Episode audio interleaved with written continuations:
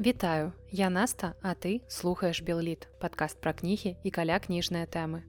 Вельмі спадзяюся, што мне сёння хопіць голасу для таго, каб запісаць гэты выпуск і таму спадзяюся, што ў мяне ўсё будзе атрымлівацца з першага разу, не трэба будзе нешта перазапісваць. І ў сённяшнім выпуску я раскажу вам пра раман напісаны сцэнарыстам, таксама пра адзін медыцынскі нон-фікшн, як жа без гэтага таксама раскажу пра зборнік біяграфічных артыкулаў у якім вы сустрэнеце тэксты пра людзей якія робяць сучасную беларускую культуру. І апошняй кнігай на сёння будзе адна з найлепшых кніг якую я чытала ў мінулым ходзе і першы раман у сённяшнім выпуску пужае ўжо сваім выглядам тому что гэта такая тоўсценькая цаглінка і гэта раман муравечества які напісаў Чарлі кауфман вядомы сцэнарыст якога вы можете ведаць па фільме вечное сіяние чистого разума і кніга гэта гэта просто цудоўны абсурдны постмадэрнізм з вялікай колькасцю адсылак да кінематографа. І самае прыемнае что для Чарлі кауфмана гэта дэбюту мастацкай літаратуры ён раней пісаў толькі сцэнарыі А вось цяпер ён напісаў цэлы роман прычым вельмі вельмі аб'ёмны роман і ў гэтым дэбютным рамане Чарлі кауфман вырашыў нас узяць проста з морам. І гэта насамрэч трошачки было мінусам тому что не просто доўгі час захапляцца адным і тым же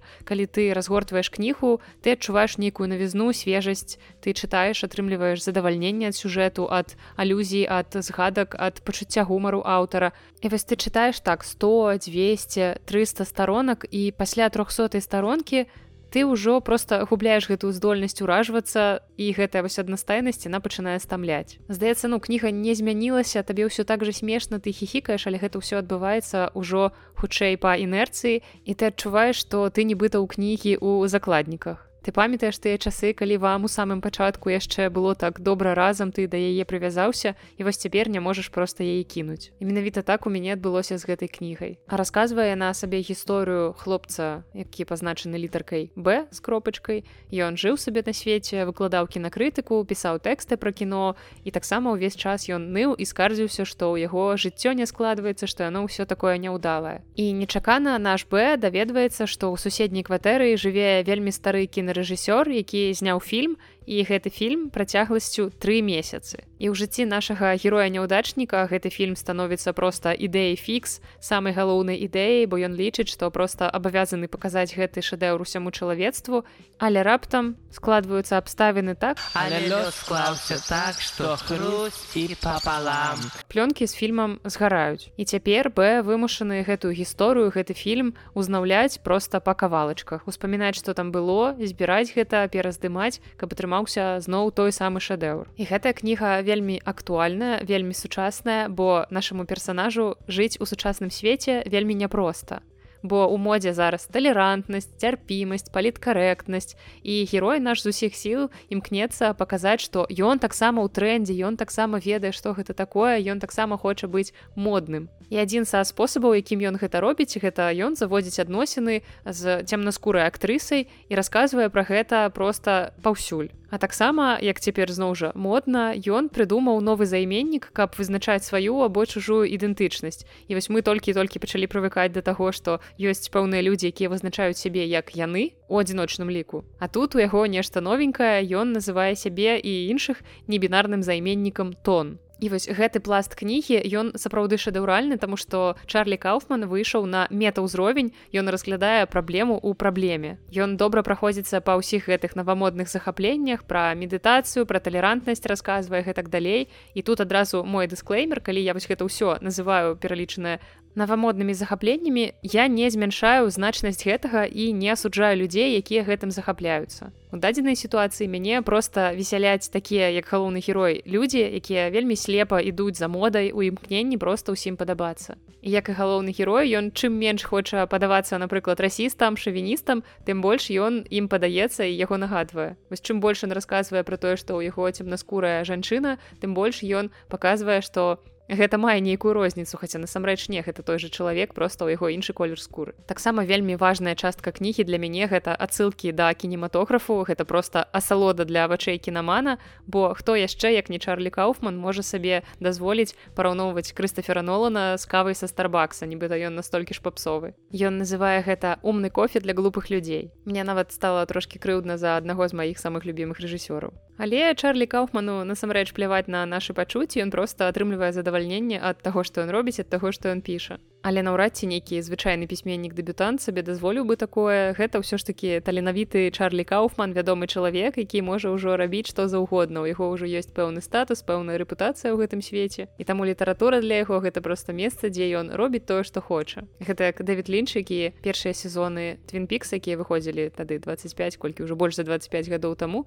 ён все ж такі рабіў гэта для тэлебачання таму ён не мог напоўніцу гэта ўсё развярнуць але вось новы сезон твинпікса гэта тое што дэвід лінч насамрэч хацеў зняць калісьці По моему непопулярному мнению, мы должны прощать гениям их причуды. У художников должна быть свобода выражать и исследовать темнейшие закоулки своего подсознания. Ну і з гэтай кнігі вось можна даведацца, якія гэтыя цемнейшыя закоулкі падсвядомасці Чарлі Кауфмана. І цікавае назіранне, якое ў прынцыпе ўжо самой кнігі не датычыць, гэта такія цікавыя лінгвістычныя тонкасці. Там у адной з глаў герой думае, што сукупнасць матылёў называецца калейдаскопам, а варонаў забойствам. Гэта сапраўды мардаров кроус і гэта мне не дае спакою а сукупнасць прусакоў называецца уварваннем і дарэчы адзін з перакладчыкаў гэтай кнігі алексей палярынаў таксама пісьменнік ён напісаў роман рыф і акурат у яго апошнім рамане ёсць такія радкі. С птицами тоже все сложно. Стая ворон например это эмаджа of crows стая попугаев a company of parrots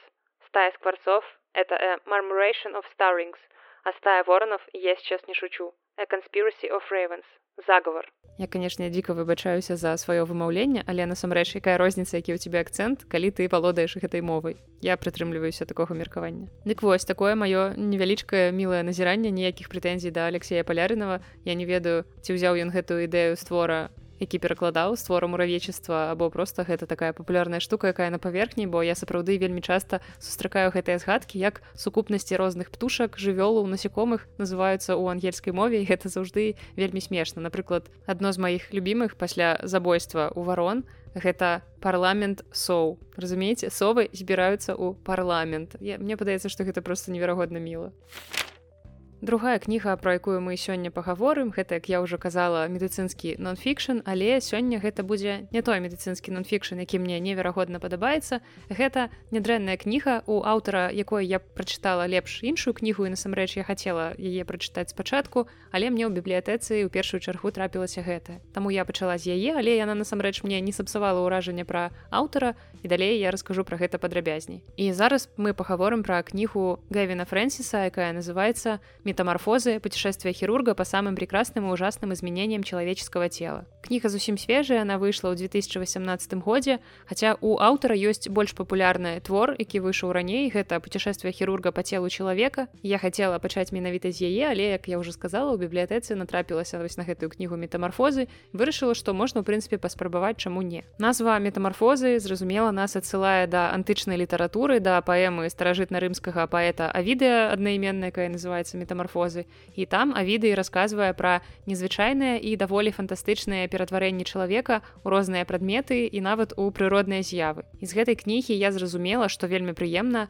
гэвен фрэнсіс вельмі любіць літаратуру вельмі любіць мастацтва нават нягледзячы на сваю медыцынскую адукацыю ён добра ў іх разбіраецца што самае важнае і вось у сваіх метамарфозах ён прыводзіць вельмі ўдалыя прыклады з мастацтва і з літаратуры і для мяне гэта вялізны просто тлусценны плюс калі ў кнізе не з маёй экспертнай вобласці ў дадзеным выпадку медыцыны сустракаюцца прыклады з маёй экспертнай вобласці тут у прыватнасці з літаратуры. Але вось гэтыя мае плюсы і захапленні ад кнігі заканчваюцца ў гэтым моманце бо чытаць гэтую кнігу насамрэч часам было вельмі сумнавата бо я чакала ўсё ж такі больш медыцыны а атрымала я больш міфаў больш разнастайных нейкіх гісторый а медыцыны там было зусім мала Хаця ідэя задума ў аўтара першапачаткова была вельмі добрая гэвен сабраў у адной кнізе гісторыі пра розныя змены якім падвяргаецца наша цела як звонку так і ўнутры. Гэта і татуіроўкі гэта і асаблівасці палавога саспявання гэта бодзібілдинг гэта зачацце цяжарнасці і гэтак далей. Пра тое што мы робім з целам самі і пра тое што ў целе адбываецца незалежна ад нас саміх і галоўнае пра тое як людзі спраўляюцца з некаторымі не самымі прыемнымі метамарфозамі ў іх целе напрыклад для мяне самай шакуючай гісторыі з гэтай кнігі была гісторыя жанчыны якая просто не магла перастаць нараджаць яна рабіла ўсе патрэбныя неабходныя медыцынскія працэдуры для таго каб спыніць гэты працэс але яе цела было супраць яму хацелася нараджаць і у яе было шмат дзяцей яна просто не магла перастаць гэта жахліва насамрэч калі ты ну скажем не ўладар свайму целу калі цела робіць тое што хоча незалежна ад цябе ад тваёй свядомасці. І ўвогуле дастаткова цікава гэвен расказвае ў гэтай кнізе пра тое як дрэнны ўзровень развіцця медыцыны ў мінулым прыводзіў да з'яўлення розных міфаў. Напрыклад у Раней людзі верылі ў тое, што ёсць такія істоты як вервольфы. А чаму некаторых людзей за іх прымалі, а таму што магчыма гэтыя людзі проста пакутавалі ад перферыі. Гэта такое кожнае захворванне і з гэтым захворваннем людзі не маглі выходзіць днём на вуліцу. Яны рабілі гэта ноччу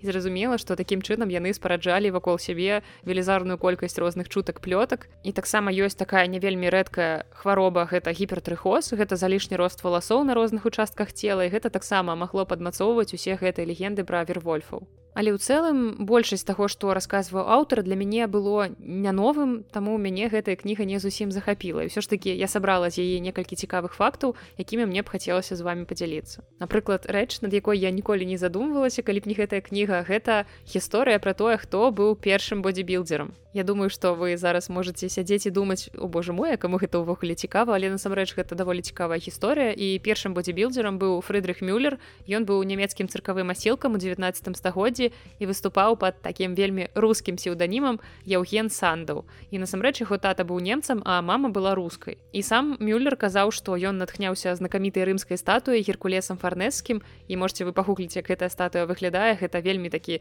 вялікі рэльефны мужчына і яму далекавата да таго вось гэтага залішняга жаху які часам робяць сябе сучасныя бодибілдеры і это называюць качкі галаўнога мозгу ну як бы кожны вар'яцей по-свойму нікога не асуджаю. Але можна сказаць што гэты фрыдрых мюллер ён быў яшчэ адной з першых так званых фітаняж ён не просто рабіў сябе сам ён яшчэ і паказваў гэта людзям і ён гэта прадаваў. Ён прадаваў сваю запатэнтаваную тэхніку па пошце прычым ён выглядаў вельмі арганічна бо часам калі ты глядзіш на такіх людзей якія прадаюць робіць нейкія свае курсы про то як э, быць худым як быць э, не ведаю напампаваным э, рознага такога кшталту. Гэтыя людзі выглядаюць часам вельмі камічна вельмі карыкатурна. А ён выглядаў я бачыла ягоныя здымкі ён выглядаў вельмі прыстойна просто як здаровы спартыўны падцягнуты чалавек. І мне здаецца што ў нашы дні у яго сапраўды быў бы там цэлы youtube канал з трэніроўкамі нстаграм з рэкламай нейкага спартыўнага адзення спартыўнага харчавання і ў продажы кучы чек-лістоў па тым як быць такім суперспартыўным супер прыгожым. Але як бачыце адсутнасць інтэрнэту яму не перашкаджала ён свае вось гэтыя ўсе ўменні здольнасці навыкі манетызаваў нават у тыя часы. Як бы чаму не? Праца над сабой гэта таксама праца і гэта рэч якая мусіць ацэньвацца хоць неяк. Ты больш калі ты ведаеш як гэта рабіць і ты можаш без фанатызму расказаць пра гэтае перадаць усе гэтыя свае веды іншым людзям якім не хапае гэтых ведаў. Так што вось такая цікавая гісторыя пра першага бодибілдера а наступная гісторыя з кнігі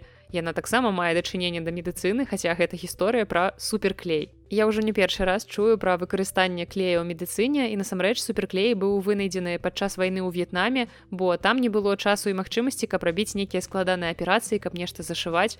Таму просто заліў рану клей прыціснуў і ўсё гатова і мне здаецца што гэтая гісторыя дарэмна не эксплуатуецца ў рэкламе суперклея бо я бачыла рэкламы кшталту як чалавеку мажуць суперклей на падэшвы абутку і прыклеіваюць яго да столі. Ну гэта максімальна банальна. Але вось расказаць пра то як заклейвалі клеем раны падчас вайны гэта нешта вельмі свеженькае яшчэ адзін цікавы факт пра пэўнае фізіялагічнае адрозненне людзей рознага полу вось так завуалявана карацей гэта факт пра тое што скура галавы ў жанчын больш тоўстая чым у мужчын а самая тонкая у лысых пажылых мужчын. А ўвогуле скура скальпа яна адна з самых тоўстых на нашым целе і тут все правільна каб берагчы нашу галаву. Наступны і не вельмі эстэтычны факт ён пра цяжарнасць бо ў самым пачатку цяжарнасці ў чалавечых эмбрыёнаў ёсць хвасты і жабры на шыі такія ж самыя як у рыб. І там жа ў вобласці шыі развіваецца сэрца яно робіцца з сасудаў жаберных дух. Гучыць сапраўды вельмі страшна. Ну і нечаканы матэматычны факт медыцынскай кнігі які дарэчы я не змагла знайсці больш ні ў адной нармальнай крыніцы. Мне было гэта цікава я гэта пагугліла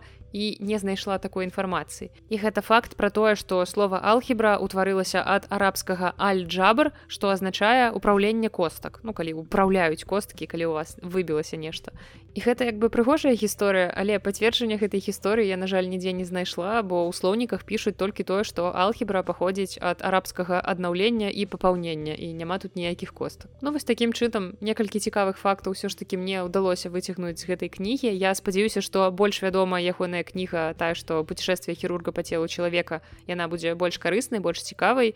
І я прачытаю і таксама абавязкова вам пра гэтую кнігу раскажу а цяпер пераходзім да беларускай літаратуры да абяцаных гісторый пра людзей якія робяць сучасную беларускую культуру. І гэта кніга александра тамковіча якая называется мазаіка жыцця яна выйшла ў 2017 годзе ў выдавестве медусонт александр тамкович увогуле журналіст ён вядомы сваімі дакументальнымі кнігамі у якіх у цэнтры увагі ў яго знаходзяцца людзі гэта як вядомыя творчыя асобы нейкія грамадскія або палітычныя дзеячы так і тыя людзі якіх мы не ведаем чыіх імёнаў мы не ведаем але гэтым людзям ёсць пра што расказаць. І кніга мазаіка жыцця гэта галасы людзей якія ствараюць сучасную беларускую культуру. У гэтай кнізе 32 артыкулы пра беларускіх пісьменнікаў пра рэжысёраў гісторыкаў музыкаў мастакоў карацей абсалютна розных творчых людзей. І кожны герой гэтай кнігі пра сябе расказаў сам аўтар дадаў толькі да кожнага артыкула свой невялічкі ўступ і кожны тэкст пра пэўнага чалавека заканчваецца яго фотаздымкамі. І мне вельмі спадабалася як гераіня першага артыкула Святлана Алексеевич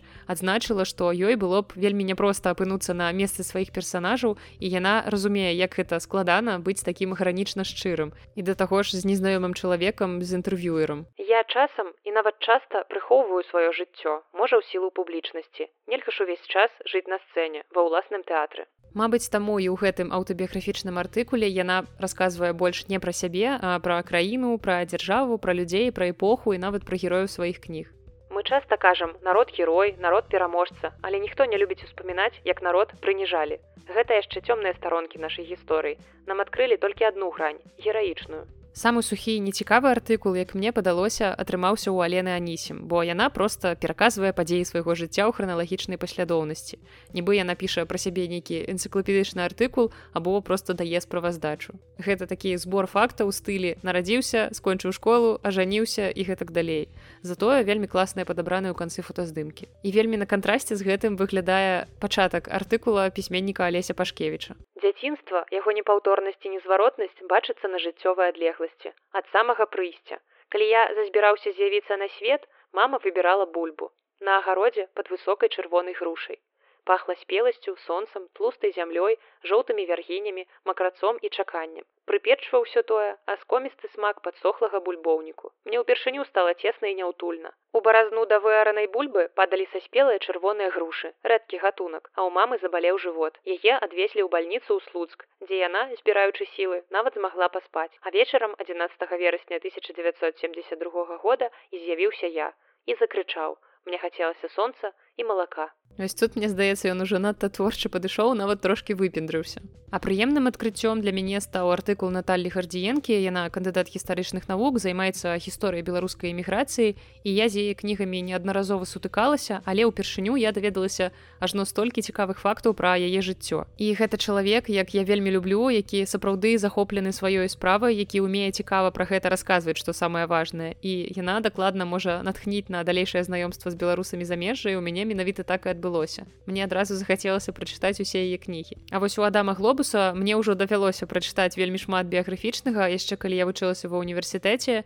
паколькі глобус адзін з герояў маёй такой сціплай навуковай дзейнасці героі дысертацыі але нават у гэтай кнізе знайшліся цікавыя гісторыі якія ў прынцыпе вось такія гісторыі і робяць гэтую кнігу унікальнай. Пачаў я вучыцца ў 73 школе звычайная то бок без розных ухілаў. Плюсам з'яўлялася блізкасць да цэнтра таму ўзровень больш-менш А мінусам стала тое, што настаўніцай у нас была казачка, якая не ведала беларускай мовы. І калі я прынёс дамоў шытак, дзе было напісана кравец крыет кроўлю, шыбенік устаўляет шыбы. Бацькі паднялі скандал на ўсю школу высветлілася настаўніца думала што беларуская мова вельмі простая і прымітыўная маўляў яе можа выкладаць любы хто пажадае. Ну і заўсёды у прынцыпе цікава чытаць гісторыі творчых сем'яў. У дадзеным выпадку гэта літаратурная сям'я дзе бацька і абодва сыны шчыльна звязаныя з літаратурай. І глобус расказвае ў гэтай кнізе таксама гісторыю свайго псеўданіма. Глобус яе сапраўднае прозвішча. А другую частку творчага псеўданіма я пазычыў у бацькі вячаслава владимировича адамчыка Калі бацькі становяцца вядомымі, дзеці заўсёды імкнуцца адрознівацца, каб ніхто не казаў пра эксплуатацыю прозвішча.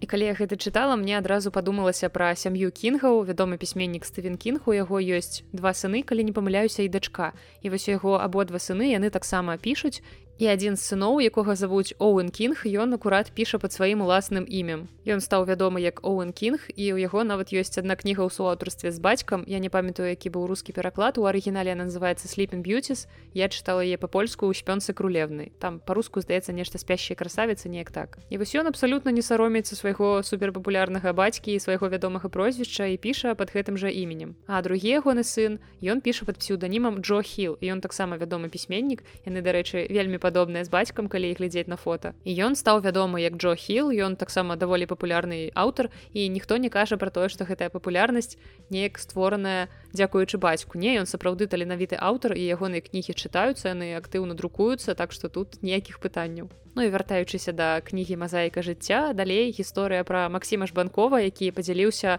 вайсковым досведам. З рубрыкі я магу аднесці гэта гэта настолькі сумна што нават смешна. Яшчэ ў вучэбцы адзін з маладых салдат скончыў жыццё самагубствам не вытрымаў новых умоў жыцця. Пасля таго я трапіў пад пільную увагу нашага зампаліта. Доўга не мог зразумець чаму высветлілася гэта ў размове з ім падчас прыезду бацькоў. Аказалася я трапіў спіс небяспечных ды схільных да суіцыду бо часта хадзіў бібліятэку. Рабяты мне падаецца у мяне ёсць праблемы. Я акурат учора была ў бібліятэцы і ўвогуле я хаджу ў бібліятэку можа быць некалькі разоў на месяц. Мне здаецца што літаратура забівае. Задумайцеся. Ізноў вяртаемся да кнігі. У сваім артыкуле музыка Іван кірчук закрануў вельмі важную тэму На мой погляд галоўная праблема нашай краіны ў тым што беларуская застаецца недзе ў баку. Мы захапляемся культурамі іншых народаў японскай альбо кітайскай напрыклад і не звяртаем увагі на сваё. Некаторыя на гэтай зацікаўленасці зарабляюць добрыя грошы. Падабаюцца сушы процьма рэстаранаў і бараў мода на йогу маса адпаведных курсаў. А чаму сушы а не дранікі? Ну я як не сушы не дранікі не люблю дык мне і нармальна але насамрэч я цалкам згодная з кірчуком тому что людзі сапраўды ў першую чаргу захапляюцца чымсьці чужым лічаць што гэта найлепшае. Але гэта настолькі не рыса якая выдае ў вас правінцыяла гэта захапленне чужым і адмаўленне свайго так што таксама задумайцеся. І гэта не значыць што вам трэба падтрымліваць усё толькі таму што яно беларускае. Насамрэч беларускае таксама можа быць дрэнным. Не трэба купляць касметыку беліта толькі таму што гэта беларуская касметыка. Гэта не заўсёды добрая касметыка і лепш я патрачу больш грошай куплю нейкую замежную але больш якасную касметыку чым беліту за тры рублі. Але сутнасць у тым што ў першую чаргу можна паспрабаваць паглядзець на сваё і знайсці ў гэтым нешта добрае. І тут также з літаратуры літаратурай бо нельга крычаць што беларуская літаратура сумная нецікавая вясковая што ў ёй няма пра што пачытаць калі ты нічога яшчэ не прачытаў з беларускай літаратуры. Ты спачатку паспрабуй нешта знайсці а ўжо потым кажы пра гэта бо пераважная большасць людзей якія ну скажем так вельмі грэбліва выказваюцца ў адрас беларускай літаратуры яны яе папросту не ведаюць затое захапленнем аддаюць перавагу літаратуры амерыканскай літаратуры англійскай і так далей. І вельмі сугучна з кірчуком у наступным артыкуле выказаўся мастак і пісьменнік артур клінаў ва ўсім свеце людзі спрабуюць захаваць элементы гарадской аўтэнтычнасці а ў нас наадварот яе знішчаюць так звычайна бывае тады калі кіраваць пачынаюць людзі з яўным дэфіцытам адукаванасць і тут мне здаецца нават каментаваць не трэба таму што ўсе мы бачым што робіцца напрыклад з архітэктурнымі помнікамі. Яшчэ адзін цікавы пласт беларускай культуры які ў гэтай кнізе разглядаецца гэта наш кінематограф. І рэжысёр Андрей кудзіненко раскрыў вельмі шмат цікавых фактаў пра тое як працуе Беларусь фільм і здавалася б тут усё і так зразумела ўсё банальна нават прадказальна нічога новага але на канкрэтных прыкладах гэты абсурд выглядае яшчэ больш страшным. Напрыклад як жанчына з планавага аддзела не пускала рэжысёра здымаць у старажытнай капліцы ў прыжанскім раёне ў вёсцы грушука матываваўшы гэта тым што могілак і пад менскам хапае просто падумайце які абсурд і тое што старажытнасць патрэбна была яму і абсалютна не цікавіла Таму што ну такі вось неадукаваны чалавек. А вось Віктор Марцінович нечакана вельмі мала расказваў пра сябе ці пра кнігі, але шмат расказваў пра вандроўкі і пра падарожжы. А далей паспрабуйце здагадацца, які беларускі пісьменнік пра сябе напісаў вось такое. Не я першы і не я думаю апошні, хто кажа, што творчаму чалавеку усялякія пасады шкодныя і па магчымасці трэба трымацца ад іх як мага далей. Бо адзінае, што застаецца пасля нас, гэта тое, што ты напісаў. А не пасады ці званні. І гэта словы Барыса Пятровіча, старшыні саюза пісьменнікаў і гэта чалавек, які дакладна ведае пра што гаворыць. Мінусамі гэтай кнігі я магу назваць яе ў дрэнным сэнсе разнастайнасць, бо героі расказвалі пра сябе самі. Адпаведна, у кагосьці атрымалася захапіць гэта чалавек, які валодае талентам апавядальніка, А хтосьці, як вось, напрыклад, анісім зрабілі проста нейкую схематычную адпіску паводле дат, паводле фактаў і ўсё. Ну і ў кнізе вельмі шмат памылак. Асабліва мне крыўдна было за няправільна напісанае прозвішчы ці назвы твораў напрыклад адзін з маіх філфакаўскіх выкладчыкаў цудоўны чалавек мовазнаўца Сергей запруцкі раптам стаў запруцкім праз c так яго прозвішча піша запруцкі праз ds але ён стаў запруцкім праз c а бельгійскі пісьменнік марыс метрлінг стаў матерлінкам. Таксама роман Віктора марціновича пазначаны як студзёны вырай хаця насамрэч ён сцюдзёны вырай а песня Віктора шалкевича замест гарадоцкага стала гарадокскім рамансам што супярэчыць усім правілам беларускай мовы. Ну і зараз я вам яшчэ зацытую сказ які ў мяне выклікаў пэўнае пытанне паслухайце ці не складзецца у вас нейкага неразумення Да нашай семігодкі ад дому было паўтара кіламетра. І пакуль ішоў, то, напрыклад, прачытаю па дарозе тое ж беразіно і на уроку магу расказаць яго на памяць. Даю вам некалькі яшчэ секунд на тое, каб пасэнсаваць тое, што вы пачулі, ці нешта зачапіла ваша вуха. У мяне толькі адно пытанне, што гэта за загадкавае беразіно, якое згадвае мастак Васіль Шарангович. Якое такое чорт возьми беразіно ён вучыў пакуль ішоў ад дому да семігодкі. Я падазраю, што там мелася на ўвазе барадзіно Лермонтова, але я чытала электронную кнігу можа быть такая памылка з'явілася пасля сканавання бо інакш я не магу гэта патлумачыць як можна было такое абмінуць. І гэта далёка не ўвесь спіс памылак які я агучыла. Але ўсё ж таки пачытаць гэтую кнігу я вам раю паколькі такія выданні заўжды нам дапамагаюць крышку больш даведацца пра жыццё вядомых асоб пра іх творчую кухню зазірнуць крышку глыбей чым вы бачыце гэта звычайна ў іх творах. І магчыма што ў гэтай кнізе вы для сябе адкрыеце нейкія новыя імёны захочаце кагосьці перачытаць пераслухаць пераглядзець. Вось як напрыклад мне захацелася крыху глыбей пагрузіцца ў творчасць Наталі гардзіенкі пачытаць яе працы пра беларускую міграцыю так што кнігу раю у любым выпадку яна даволі цікавая і карысная і на заканчэнне вам зачытаю яшчэ дзве цікавыя цытаты. І аўтар першай гэта Масім жбанкоў які ў сваёй творчасці неаднаразова падкрэслівае наколькі важна культуру не проста спажываць але яшчэ і крытыкаваць. Бо без крытыкі гэта проста дарога ў нікуды гэта нешта без развіцця. І вось тут у сваім аўтабіяграфічным артыкуле ён вельмі добра заўважае. На мой погляд крытыкаваць абсалютна нармальна. Павінны быць тыя хто кажа нязручныя рэчы. Аргументавана сістэмна і дакладна такога кшталту рэчы неабходныя і неабходныя людзі якія іх робяць праблема ў тым што ў нас іх вельмі мала як сказаў бы філосаф владимир мацкевич у беларускім грамадстве катастрафічна не стае крытычных інтэлектуалаў. Таму кожнае бескампраміснае сур'ёзнае энергетычна шчырае выказванне ўспрымаецца як нейкі наезд. Людзі не разумеюць што часам ёсць сэнс сказаць нешта нязручнае ёсць сэнс рызыкаваць. Як на мяне, пераважнай большасці сучасных беларускіх медыа жудасна не хапае менавіта рызыкі. Нефармальнай журналісткай адпаведнасці фактам, а неардынарнасці мыслення, аўтарскай пазіцыі унутранай энергетыкі. Я вельмі разумею, што тут мае на ўвазе ж банкоў і вельмі яго падтрымліваю, таму што гэта сапраўды праблема я часткова разумею, адкуль бярэцца гэтая праблема, бо беларускае культурнае поле яно насамрэч не вельмі вялікае. І таму калі ты неяк крытычна ці адмоўна выказваешся пра не нейкага пра працу нейкага рэжысёра нейкага літаратурнага дзеяча або пра нейкую кампазіцыю музычную заўсёды ёсць рызыка што вы з гэтым чалавекам знаёмая і ён просто можа на цябе пакрыўдзіцца. Безумоўна я веру ў тое што сапраўдныя творцы ўспрымаюць крытыку як нешта патрэбнае як нешта важнае і не ўспрымаюць гэта як асабістую абразу. Таму няма сэнсу ліслівіць бо там дзе няма крытыкі няма аб'ектыўнай ацэнкі там няма і развіцця. Ну і апошняя гісторыя з кнігі на завяршэнне такая больш вясёлая, больш пазітыўная. Расказвае гэтую гісторыю пісьменнік алесь аркуш знятыя лімам вершы я аднёс у маладосць дзе евгенія янішчыц сказала друкуем але попрасіла каб было з чаго выбраць прынесці яшчэ. Калі я другі раз прыйшоў у рэдакцыю з яе кабінета выходзілі віця шніп і толя сыс. Віцю я ведаў раней зліт аб'яднання пры чырвонай змене а за анатолем тады і пазнаёміўся. Сыс адразу да мяне прасякнуўся добрымі пачуццямі дачакаўся выхаду з кабінета янішчыц і сказаў ну што у звычайным жыцці ты маскаліш напэўна? Трэба размаўляць па-беларуску. Пайшлі пакажу і павёў нас я быў з дзяўчынай у батлейку дзе тэатральна зрабіў замову нам калі ласка тры марозіва і тры філіжанкі кавы Афіцыянт усё зразумеў, што вельмі красамоўна пацвердзіла тэзу сыса пра тое, што вакол усе добра разумеюць беларускую мову і не трэба баяцца на ёй размаўляць. Ясна, чаму я выбрала гэтую гісторыю, таму што ў ёй прысутнічае мой любімы Анатоль сыс, як заўсёды яркі, эпатажны і гісторыя атрымалася смешная паказальная. Але я вас падманула, я заканчваю не гэтай гісторыі. Я хачу закончыць словамі самога Александра Тамковіча, укладальніка гэтай кнігі.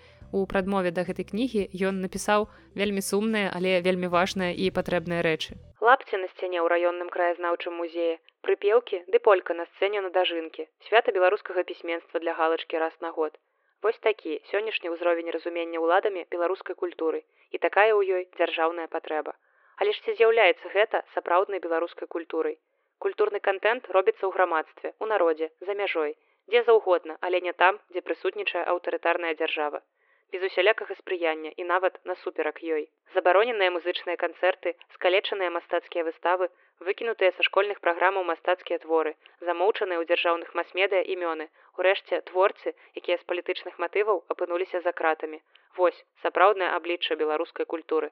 Гэта такое нашае сённяшняе суровае жыццё.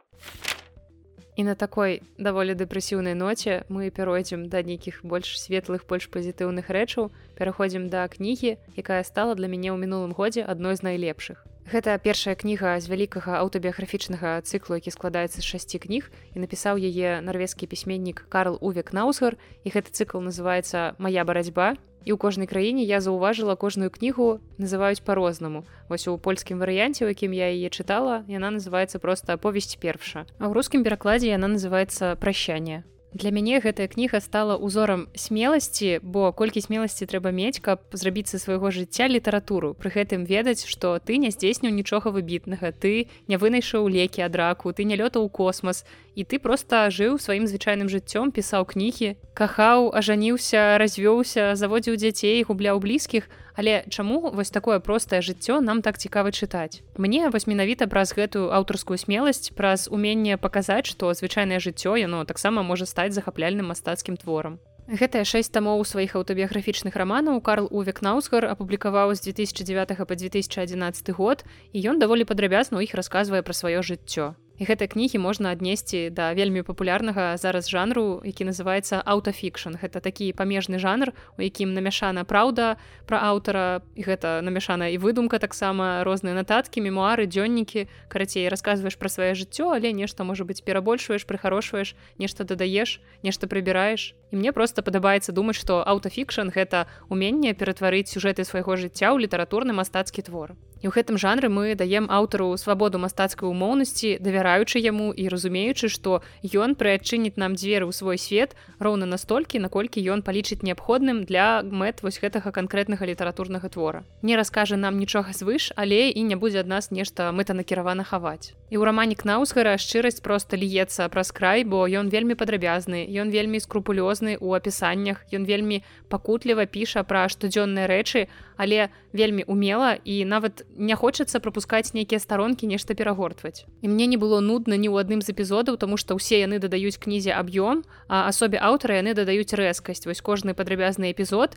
і карцінка ў маёй галаве станавілася ўсё выразней вось нібыта я наводзіла фокус на камеры. І мы ўсё больш і больш даведваемся новай інфармацыі пра пісьменніка і ступаем можна сказаць на інтымную тэрыторыю яго ўнутранага свету і яго перажыванню пакуль я прачытала толькі першы том ён пераносіць нас у дзяцінства аўтара у яго адносіны з аднагодкамі з братам сям'ёй. І гэта ўсё нагадвае раман выхавання ў пэўных момантах бо мы сочым за сталеннем героя. Мы можам убачыць што паўплывала на яго на фарміраванне яго асобы. І тут вельмі шмат цялеснага шмат плоцевага тому что хлопчык сталее. І гэты хлопчык які ўжо дарослы мужчына кнаусгар вельмі падрабязна апісвае свае адчуванні ў той перыяд. Гэта і сяброўства і адносіны з дзяўчынкамі вядома ж як жа без гэтага. А таксама праблема ў сям'і нейкая неўпэўненасць у паводзінах Ну і таксама нейкія гарманальныя змены эмацыйныя ўзрушэнні і ў гэтым творы ясна што мы знаходзім нешта блізкае знаёмае таму што мы праз гэта праходзілі і таму ад раманак наўзгарак мне падаецца так цяжка адарвацца я лічу што падобныя тэксты яны важныя ў першую чаргу для саміх аўтараў якія выкарыстоўваюць гэтыя тэксты як свою асаблівую псіхатэрапію пісьмовую псіхатэрапію яны наноў перажываюць гэтыя апісаныя эпізоды і вось напрыклад у гэтай кнізе ёсць кульмінацыйны момант. Гэта смерць бацькі з якім у карла была асаблівая сувязь і мне здаецца што гэтая кніга выглядае спробай неяк пераасэнсаваць і прыняць страту нават нягледзячы на тое што з яе ўжо прайшло столькі гадоў Хаця мне паводле апісання бацька Карла ўвогуле не падаваўся прыемным чалавекам бо ён алкаголем злоўжываў ён вельмі аддаліўся ад дзяцей пасля таго як яны развяліся з маці. І мяне асабліва ўсь разлаваў эпізод дзе бацька паведамляе сыну пра тое што яны з маці разводзяцца. Як это звычайна адбываецца? Напрыклад як мне пра гэта паведамілі бацькі просто пасадзілі мяне акуратна мне паведамілі пра тое што вось бацька будзе цяпер жыць не з намі і мне было тады 9 гадоў а тут як бы хлопчык ужо дарослы амаль паўнагадовы і бацька яму просто паведамляю што яны разводзяцца і потым так штодзённа будзённа абсалютна уручае яму спіс пакупак і кажа ўсё ідзі ў краму і цяпер жыві з гэтым І праз гады Карл, калі ўжо сам стаў бацькам, ён спрабуе балансаваць паміж сям'ёй, балансаваць паміж творчасцю. У кнізе апісваюцца гэтыя эпізоды, калі яго жонка цяжарная, а ён у гэты час піша кнігу. І Кнаусгар не толькі дзеліцца падрабязнасцямі свайго жыцця, ён яшчэ выкарыстоўвае гэты раман у якасці пляцоўкі для нейкіх сваіх разважанняў. Гэта разважанні на розныя тэмы, гэта жыццё, смерць, таксама літаратура і вось розныя бытавыя эпізоды гісторыі жыцця яны змяняюцца нейкімі філасофскімі развагамі і ўсё гэта падаецца не ў храналагічнай паслядоўнасці. Бо эпізоды з дзяцінства часта перарываюцца ўспамінамі 20-30 гадовага акнаусгара або разважаннямі ўжо сталага мужчыны і гэтая гранічная шчырасць кнаусгара не выглядае нейкай несапраўднай нейкай прыдуманай. Ён не спрабуе паказаць сябе лепшым чым ён ёсць. І ў многіх эпізодах ён паводзі сябе сапраўды як мудак і піша пра гэта. Але наадварот мне здаецца гэтым ён падкупляе гэтай вось шчырасцю і тым што ён не хавае нічога ён здолеў сваім не супердынамічным жыццём не самым актыўным і цікавым мяне зацікавіць напрыклад таму што ён вельмі сумленны з чытачамі і гэта я бязбройвае адначасова бянтэжыць бо я б напрыклад не змагла б так зрабіць і гэтая кніга ўвайшла ў мой топ мінулага года і значыць што трэба астатнія часткі таксама вельмі хутка прачытаць. Я вельмі хачу яшчэ. Я спадзяюся што працяг будзе такі ж класны. І дзякуй палякам якія ўжо выдалі ўвесь цыкл у той час як вось на рускай мове выйшлі толькі пакуль тры кніжкі. а Ну і ў канцы выпуска хочацца дадаць ужо не новую рубрыку, але якую я чамусьці закінула, хаця мне хацелася прабіць гэта часцей. Я спадзяюся, што цяпер будзе пэўная частотнасць. Прынамсі раз на месяц я планую вам расказваць у канцы кожнага месяца, якія кніжкі за гэты месяц выйшлі. І пачну я з выдавецтва папуры, якое апошнім часам стала вельмі актыўна перавыдаваць беларускую класіку. Яны даюць беларускай класіцы новыя вокладкі і гэта заўжды выглядае вельмі прыгожа. Напрыклад, першая кніга, пра якую я раскажу, гэта зборнік вершаў янкі купалу які называецца выбраная і гэтую кніжку ўклаў ціхан чарнікевич і здавалася што гэта настолькі класічная кніга што яна ўжо не можа нічым здзівіць але Анатоль лазар зрабіў да гэтай кнігі вельмі густоўную вокладку і дадаў гэтым новае дыханне вершам купалы. Гэта сапраўды той томік які хочацца трымаць на сваіх паліцах у адрозненне ад нейкіх старых савецкіх выданняў або ўжо ў незалежнай беларусі выдадзеных але такіх даволі страшненькіх вокладках ад дзяржаўных выдавецтваў. У цэнтры вокладкі можна ўбачыць лабірынт які зроблены са слоў якія сустракаюцца ў вершах купалы і вокладка ўвогуле вельмі прыемна прыемная на вобмацак гэта софт-тач таксама папера ў кнізе не банальная белая гэта такая шурпатая малочнага колеру папера. І самае важнае ў афармленні для мяне гэта лясэ і гэта просто плюс тысяча да атмасфернасці асалоды атрымання кнігі ў руках Наступнае перавыданне ад выдавецтва папуры гэта Васіль быкаў і яго знак бяды. І гэта таксама тое перавыданне якое хочацца мець у бібліятэцы. Зноў тут вокладка софт-тач вокладку намаляваў Анатоль лазар.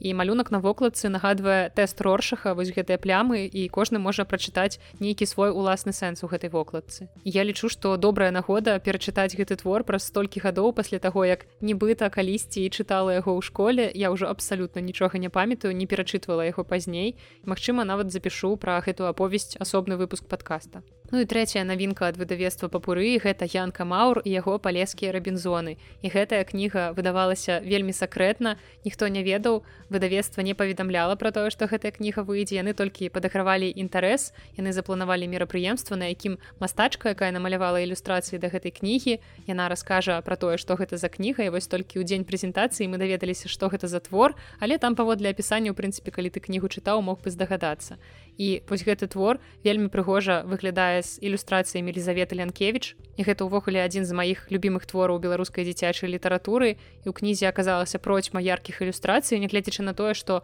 пераважаюць там усё ж такі колеры такія больш змрочныя. Гэта шэры чорны таксама чырвоныя адценні але ўсё роўна кніга атрымалася вельмі яркай. І ілюстрацыі ў ёй вельмі шмат ліза казала што спрабавала зрабіць гэтую кнігу як мага больш насычанай і яркай таму што сама вельмі любіць добра праілюстраваныя гісторыі. І ў іншых выданнях этой кнігі вы наўрад ці сустрэнеце такую колькасць ілюстрацыі она звычайна выдавалася ўвогуле як кніга без карцінак. А тут сапраўды гэта прыгожа разглядаць. І я вельмі радая што маё сумнае савецкае выданне адыходзіць у нябыт і я магу чытаць вось такую прыгожую кнігу пакінуць яе ў сваёй бібліятэцы. Таму я думаю што у найбліжэйшы час вандроўка па палесе мяне чакае дзякуючы гэтай кнізе з новымі ілюстрацыямі. І ўсе гэтыя тры кнігі я ўжо маю на сваіх паліцах, я ўжо падтрымала іх у руках, памацала, некаторыя нават пачала так гартаць чытаць, таму магу кожную з гэтых кніг вам раіць. Ну і далей працягваючы тэму новых кніжак, я раскажу вам пра тое, што нам у студзені прапанавала выдавецтва Янушкевич.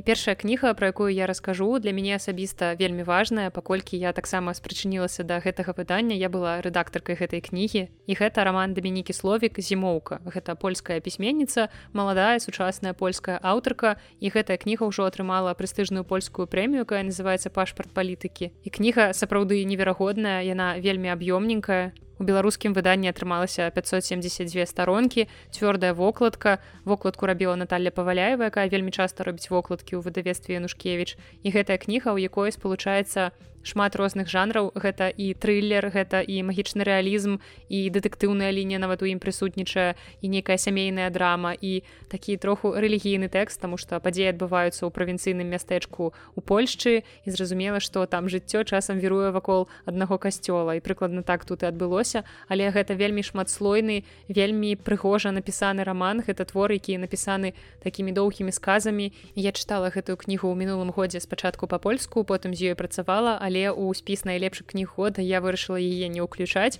я вырашыла што сёлета перачытаю зноў беларускае выданне і тады ўжо больш падрабязна вам пра гэтую кнігу пазней раскажу. І другая вельмі доўгачаканая кніга якая выйшла сёлета ў выдавестве янушкевич гэта зорныя дзённікі польскага пісьменніка станіслава лема і гэта прыгоды галоўнага героя Йона ціхага. І тут я звяртаю вашу увагу на тое што імя дакладней прозвішча ціхага пішацца не праз прывычнае нам c і яно пішацца менавіта праз т і парушаючы нормы беларускай мовы. Зроблена гэта так жа як і ў арыгінале. У арыгінале ён таксама пішацца праз т і што для польскай мовы не ўласціва паводле правілу польскай мовы там мусіла быць c і але вось такая асаблівасць і ў творы я пакуль яшчэ твор не чытала але чула што канкрэтна ў творы гэта тлумачыцца чаму яго так завуць. Але каб просто у людзей не ўзнікала пытанняў а чаму гэта напісана з памылкай. Гэта просто такая асаблівасць напісання просішча і трэцяя навінка ад выдавецтва янушкевич якая як бы і не зусім навінка тому что гэта перавыданні кнігі якая выходзіла здаецца яшчэ у 18 ці 19 годзе карацей выходзіла ўжо даўнавата і гэта кніга эрвіна мозара неверагодныя гісторыі на дабранач і летась у выдавестве выйшаў працяг гэтай кнігі дзівосныя гісторыі на дабранач не трэба блытаць гэта две розныя кнігі. І вось неверагодныя гісторыі на дабранач выходзілі першымі. І за гэтую кнігу перакладчык Сергей матырка атрымаў прэмію карласа шэрмена за найлепшы пераклад дзіцячай кнігі. І гэта 88 цудоўных гісторый яны невялікага памеру недзе старонка паўтары старонкі дзве старонкі з вельмі прыгожымі цікавымі ілюстрацыямі і вельмі незвычайнымі сюжэтамі. Гэта не проста казкі дзе ўсё прадказальна нейкія прадказальныя героі робяць звычайныя банальныя рэчы. Не у мозара ўсё вельмі дзіўна все непаўторна ў такім мозараўскім стылі таму вельмі раю калі у вас ёсць дзеці ну недзе тры-чатыры плюс вось з імі можна перад сном гэтую кнігу чытаць. І таксама згадваючы перакладчыкаў трэба сказаць што кнігу зімоўка пераклалі Алена Петрович і ўлад Янкевич а кнігу узорныя дзённікі які станіслава лема пераклала Марыя пушкіна. Ну і кнігу невыраходнай гісторыі на дабраныш пераклаў Сергей матырка. І гэтыя тры кнігі таксама ўжо ёсць у мяне на паліцах я іх усе гартала. І зорныя дзённікі таксама з вокладкай софт-тач нічога не магу з сабой зрабіць мне просто падабаецца мацаць і дакранацца да гэтых кніг. Таму таксама раю вам пра іх усе як толькі прачытаю абавязкова раскажу Цяпер звернемся да выдавецтваў, якіх выйшла пакуль што не так шмат кніг у гэтым годзе, але нічога, я думаю, што яны яшчэ паспеюць нас парадаваць чымсьці большым. І наступнае выдавецтва гэта кнігазбор і ў іх сёлета выйшла пакуль толькі адна кніга. Гэта кніга Сергея Ваганова, якая называецца праз межы часу. Гэта зборнік беларускага журналіста, публіцыста, паэта і ў кнізе акурат змешчаныя яго вершы, нарысы, эсэ і таксама прадмовы да гэтай кнігі напісаў вядомы пісьменнік Віктор Касько. Паводле анатацыі ў гэтай кнізе акурат ахопліваюцца падзеі і грамадскія настроі, нейкія сэнсы гісторыі, што веравалі ў жыцці краіны ад сороквых гадоў мінулага стагоддзя да нашых дзён. І ўсё гэта падаецца праз разумення ўспрымання аўтара, праз ягоны розум, праз сэрца, мне падаецца, што калі вы любіце дакументальную літаратуру, гэта павінна быць цікава. Наступнае выдавецтва ўжо таксама адзначылася некалькімі навінкамі. Гэта выдавец зміцер колас і першая навінка, пра якую я раскажу, гэта паэтычная кніга Адама Глобуса. У новым зборніку 43 вершы пра анёла, якія спалучаныя з яго графікай. Такім чынам вы можете атрымаць і глобуса мастака і глобуса паэта ў адной кнізе.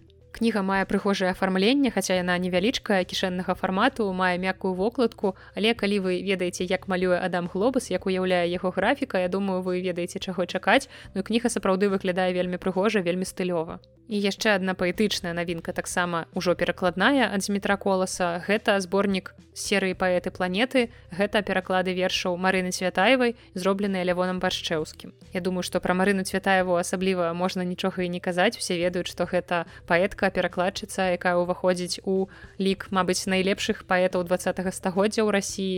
І я думаю, калі вы ведаеце, хто гэта, вы зацікавіцеся і беларускімі перакладамі ведаючы асобу лявона башчэўскага чалавека які робіць пераклады вельмі таленавіта Наступнае выдавецтва, пра якое мы пагаворым, гэта выдавецтва галіяфы, яно парадавала таксама нас вялікай колькасцю кніг. Прычым цікава, што кнігі вы гэтыя выйшлі ўсё ж такі ў канцы мінулага году, але я зараз пагартала і ўбачыла, што ў гэтых кнігах амаль паўсюль пазначаны 2022 год.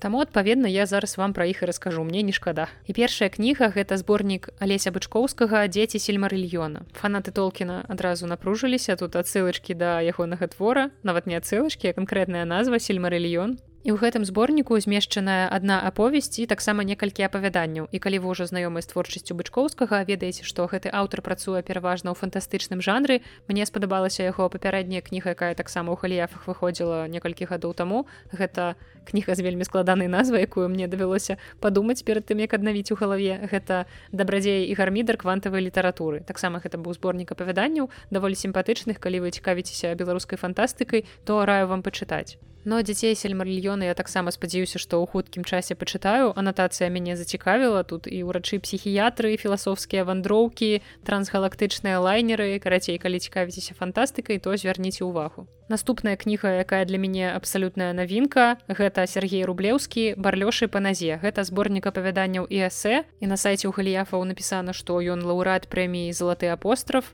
І тут некалькі твораў, некалькі апавяданняў, і мне будзе даволі цікава зірнуць што гэта за кніга бо рэдактары пазначаны такія важныя людзі. Гэта Барыс пятрович Андрей федарэнка у кнізе 340 сторонок апавяданні і эсэ напісана што жанр вокладка мяккая. Вось гэта ўсё што я магу вам пакуль сказаць пра гэтую кнігу. У яе такая даволі яркая сімпатычная вокладка.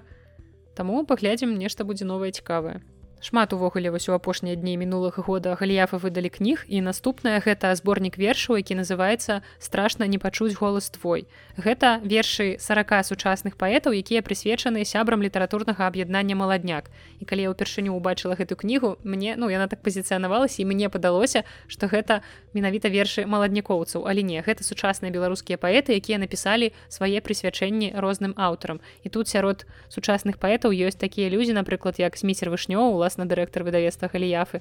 Або напрыклад Ганна комар наша вядомая паэтка. Таксама ёсць уладзімир орлоу гэта з такой больш цяжкай артылерыі. Або дар'я бялькевич яе паэтычны зборнік слёзы на ветер стаў лепшым для мяне ў мінулым годзе. Ну і таксама тут шмат іншых аўтараў 40 чалавек вось Андрей гаданович Віктор шніп і Андрусь такінданг карацей усё гэта вядомыя асобы нашай паэзіі. Я думаю што таксама гэта павінна быць цікава. У кнізе 100 сторонок цвёрдая вокладка вельмі густоўная вокладка мне падабаецца як яна аформленая. Там вынесеная на вокладку назвы ўсіх твораў і імёны ўсіх паэтаў якіх вы можете сустрэць у гэтай кнізе. Гэта сапраўды вельмі класна. Можна не зазіраць у анатацыю не зазіраць у зместы так все ўбачыць. І апошняя навінка ад галіяфу гэта кніга ольгі гапеевай парадокс немаўля як напісана у анатацыі гэта філасофская паэма. Гэта сапраўды паэтычная кніга 156 сторонок цвёрдая вокладка. Таму калі як я сочыце за творчасцю ольгі гапеева і любіце яе паэзію то гэта акурат тое што варта пачытаць і на вокладцы стаіць пазнака 18 плюс гэта павінна вас заінтрыгаваць. Ну і яшчэ одна навінка ад выдавецтва галіяфы гэта кніга якая яшчэ не выйшла але на сайце галіяфы бай ужо можна зрабіць папярэдні заказ да 10 лютага.